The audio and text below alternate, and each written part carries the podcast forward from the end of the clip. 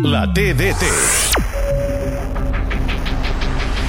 Compte que pot recuperar la pilota del Barça en zona ofensiva. Ho ha aconseguit. Pilota que rep Lewandowski, s'ha frontal, l'envia a l'interior de l'àrea per Gavi, xuta Gavi, gol! Sí. Ha marcat el nano, ha marcat Gavi, ha marcat el Murri, ha marcat el Llest, ha marcat el Viu, ha marcat aquell que sempre apareix quan no te l'esperes. I ha superat Courtois per marcar el primer gol d'aquest clàssic, el primer gol d'aquesta final de la Supercopa.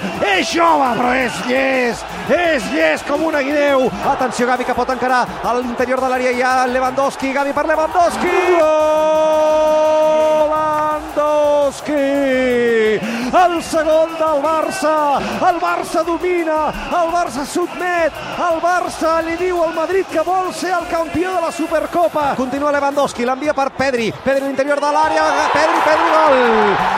Pedri, Pedri, Pedri, Pedri! Que s'apunta al fastí! Ha aprofitat aquesta recuperació d'ell mateix al mig del camp perquè després en una acció conduïda per Lewandowski Gavi hagi rematat el segon pal. Ara sí, final, final, final, final del partit. El Barça és el supercampió de l'any 2023. El Barça ha guanyat el Madrid clarament, merescudament, de forma justa i contundent. Avui a l'exòtica Riad a l'Aràbia Saudita, Barça 3, Madrid 1, dirigint-se cap a l'escenari principal, el podi dels campions, on Busquets aixeca la copa per dir-li a tot el món que el Barça és el campió de la Supercopa 2023. Focs artificials, coets sobre el cel de Riad a l'Aràbia Saudita, confeti de color daurat per intentar iniciar d'aquesta manera una era, esperem que també d'aquest color, a base de gols, a base de bon futbol, a base d'ambició i de fam, que és el que demanava Xavi.